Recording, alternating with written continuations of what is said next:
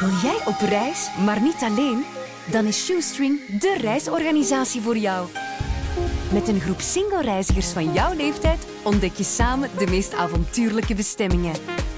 Ben jij klaar om je bucketlist af te vinken? Shoestring, hoe ver kun je gaan?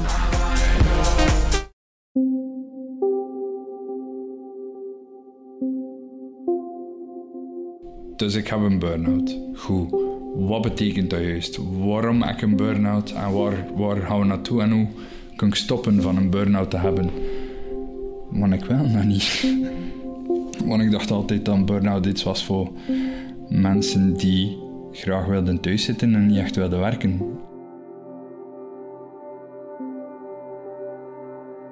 Hoe krijg je een burn-out? Hoe ingrijpend verandert die je leven en waar ligt de weg naar herstel? Onderzoekers van de UGent peilden in samenwerking met de Morgen naar de ervaring van meer dan duizend burn-out patiënten. Dit is de burn-out tape van Stijn. Hij was zelfstandig ondernemer, maar moest vorig jaar het faillissement van zijn bedrijf aanvragen.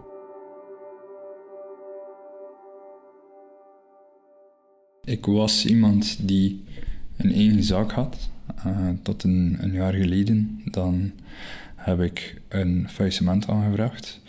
Daarna ben ik meteen aan de slag gegaan. Uh, tijdens de week een, uh, een job bij een bedrijf van vrienden van me. In het weekend aan de slag in een beachbar. Um, zo heel de zomer door. Dus het faillissement is um, gebeurd in, in mei. En dan uh, gewerkt tot einde augustus. Dan eind augustus aan de slag gegaan bij het bedrijf waar ik nu werk. Met in de weekends en overal waar ik kon nog wat extra erbij.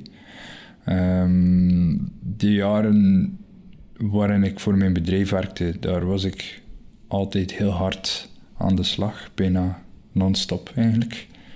Um, de laatste vakantie, denk ik, was 2015. Um, ja, en dan dit jaar, begin dit jaar, gemerkt dat wat meer moe was. Dat ik wat moeite had om gefocust te blijven. Dat ik dingen aan het vergeten was. En dat ik dacht van, tja, dit is raar. Ook um, een evaluatie op mijn werk waarin dat ze zeiden van, ja, oké, okay, je vergeet een aantal dingen. Dat is niet zoals het hoort.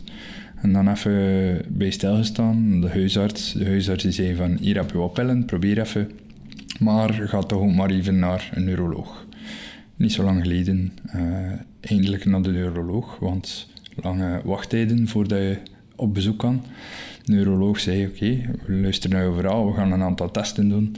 Een paar scanners onder, een paar uh, hersenscans verder. Uh, niets op de hersenscans te zien, maar ga even langs naar de psychiater. Dan van de neuroloog naar de psychiater. En de psychiater die zei: Ja, jij hebt een, een burn-out. En ik dacht van nee, maar eigenlijk wel.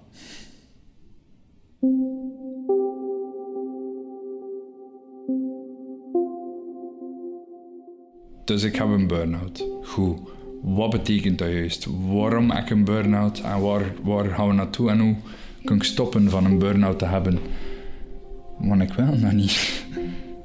Want ik dacht altijd dat burn-out iets was voor mensen die graag wilden thuiszitten en niet echt wilden werken. Ik was altijd aan het werk, ik was altijd bezig, ik had altijd ideeën, ik had altijd uh, projecten waar ik mee aan de slag wou. Nu nog altijd, mijn kop um, gans nog altijd. Dat, uh, rust inbouwen, dat gaat vanaf nu moeten gebeuren. Maar het is nog een goede vraag hoe ik dat ga moeten doen. Als ondernemer wil je vooruit. Als ondernemer zie je dingen en je werkt inderdaad heel hard. Um, zeggen dat je geen tijd hebt voor een burn-out klopt, maar als je dat zegt, dan zit je ook nog niet aan de burn-out. Dan denk je zoals ik dacht en ergens nog steeds een beetje denk van ja, ik heb daar geen tijd voor, dat is zeker, dat is een excuus voor mensen die niet willen werken. Maar um, ik sta nu vast dat ik ben op ik heb daar moeite mee. Ik, eh, ik heb moeite om me te concentreren. Ik heb moeite om, om dingen tot een goed einde te krijgen. Er het, hoe ik functioneer klopt niet meer of, of is niet meer hetzelfde met voordien hoe ik functioneerde. En, en ik ben niet on top of my game. En ik denk als ondernemers zeggen dat ze geen tijd hebben voor een burn-out, dat is prima. Maar dan is de, de valkuil wel van plots wel een, val, wel een, een burn-out te hebben, waardoor dat ze ehm, misschien niet meer hun job naar behoren kunnen uitvoeren. En dan is dat ook een probleem. Dan, uh, en ik denk ook Ehm, dat dat een beetje is wat bij mij gebeurd is. Altijd maar blijven gaan van, ja, ja, ik heb daar nu geen tijd voor, dat zien we later wel. En blijven gaan, blijven gaan. Ja, we zijn nu vier jaar na mijn laatste vakantie, uh, na mijn laatste rustmoment als het ware. En nu, nu, nu snak ik naar, uh, naar niks Nu snak ik even naar een, een pauze van alles, weg van alles.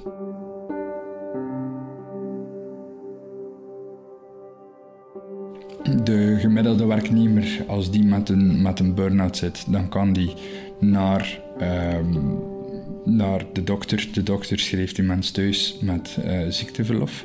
Maar in mijn geval maakt dat het wat moeilijk, want als ik thuis zit zonder werk, dan komt er geen, dan komt er geen cent binnen. Dan heb ik geen uh, recht op dit moment op uh, die steun van de mutualiteit. Dus dat maakt het voor mij wel wat moeilijk om omdat ik nu moet blijven gaan, nog altijd. Ook al wil ik eigenlijk even gewoon niks doen.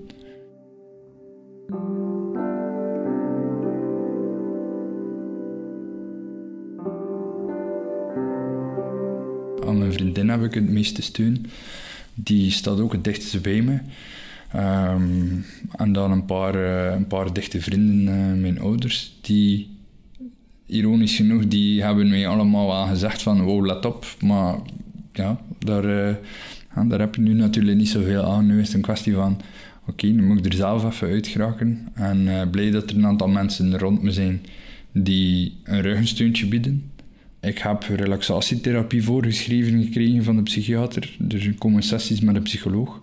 Die relaxatietherapie is iets waar ik naartoe ging en heel bewust gekozen heb om te zwijgen. Want ik, um, ik ging zoiets vroeger altijd uh, lachend uh, dwaze hippie shit genoemd hebben. Um, iets voor uh, hippies en andere mensen die een beetje zweverig door het leven gaan. Um, dat, was niet, dat paste niet bij mij, dat, dat hoort niet bij mij. Um, ik heb nu een sessie achter de rug. Uh, gisteren was, was een sessie. En ik heb daar gelegen, ik heb gezwegen en ik heb het mij laten gebeuren.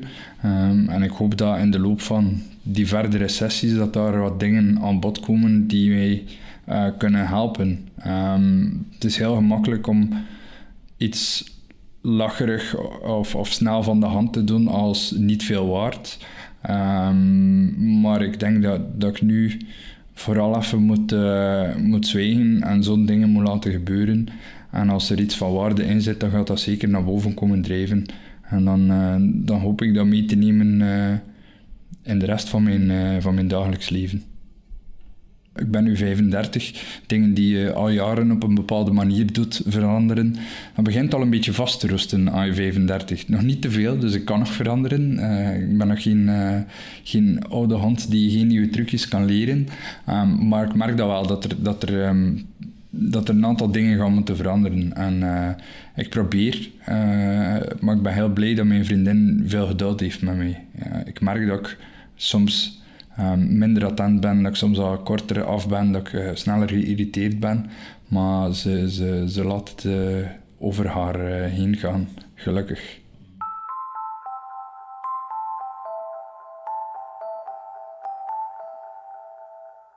Jammer genoeg staat er geen glazen bol voor mij. Um, ik geloof heel sterk dat er um, bij sommige mensen iets is wat, uh, wat de decay of ambition uh, heet. Op een bepaald moment hebben mensen een aantal dingen in hun leven, een, uh, een gezin, een huis, een wagen, een job die ze graag doen. En dan zakt de persoonlijke ambities een beetje weg. Um, de, de dingen die ze allemaal wilden bereiken zijn niet meer zo belangrijk, in, in ruil voor andere dingen die dan wel belangrijker worden. Bijvoorbeeld uh, het gezin, bijvoorbeeld uh, de familie daar rond, noem maar op. Um, bij mij is dat een beetje anders. Ik, ik brand nog altijd van ambitie. Ik wil nog altijd een aantal dingen realiseren. Ik, wil, ik nog altijd een aantal grote dromen. Ik weet niet of ik die ga kwijtraken uh, tussen aanhalingstekens. Maar um, ik weet wel dat ik hier zo snel mogelijk vanaf wil. En ik ga kijken en, en hopelijk uh, dankzij die therapie um, gaat dat ook werken. Ik ben iemand die probeert zich zo coachable mogelijk op te stellen. Uh, en ik probeer uh, mee te nemen wat ik kan meenemen om, om, om vooruit te geraken. Dus absurd genoeg is mijn brandende ambitie en werklust um, deel van de reden waarom ik in deze situatie zit. Maar ik denk dat dat misschien ook net een sterkte kan zijn om eruit te raken. Um, maar ik ga gewoon wat, wat hulp aan de zijkant moeten gebruiken. Um, een paar ruggensteuntjes en een paar leuningsjes om, om op die manier um, ja, uit, die, uit die put te klimmen. En terug, terug weer wat, wat relaxter en vrijer en vrolijker te zijn.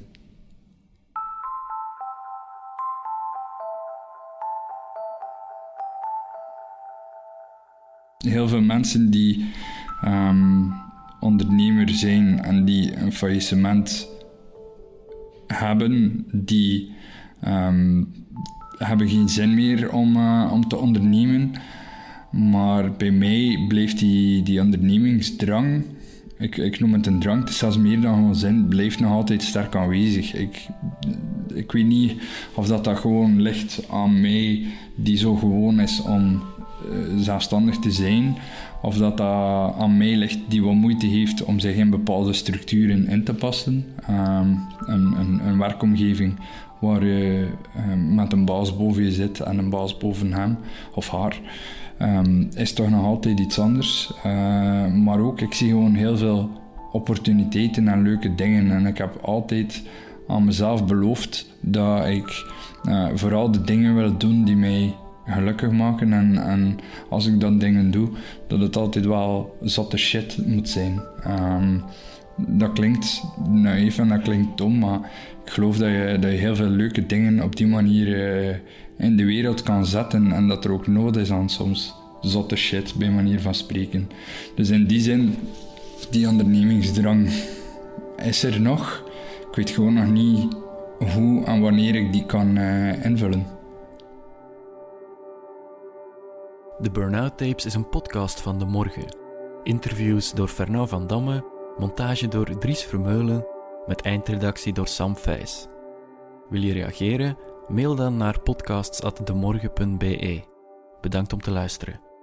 Volgende keer de Burnout Tape van freelance journalist Deborah.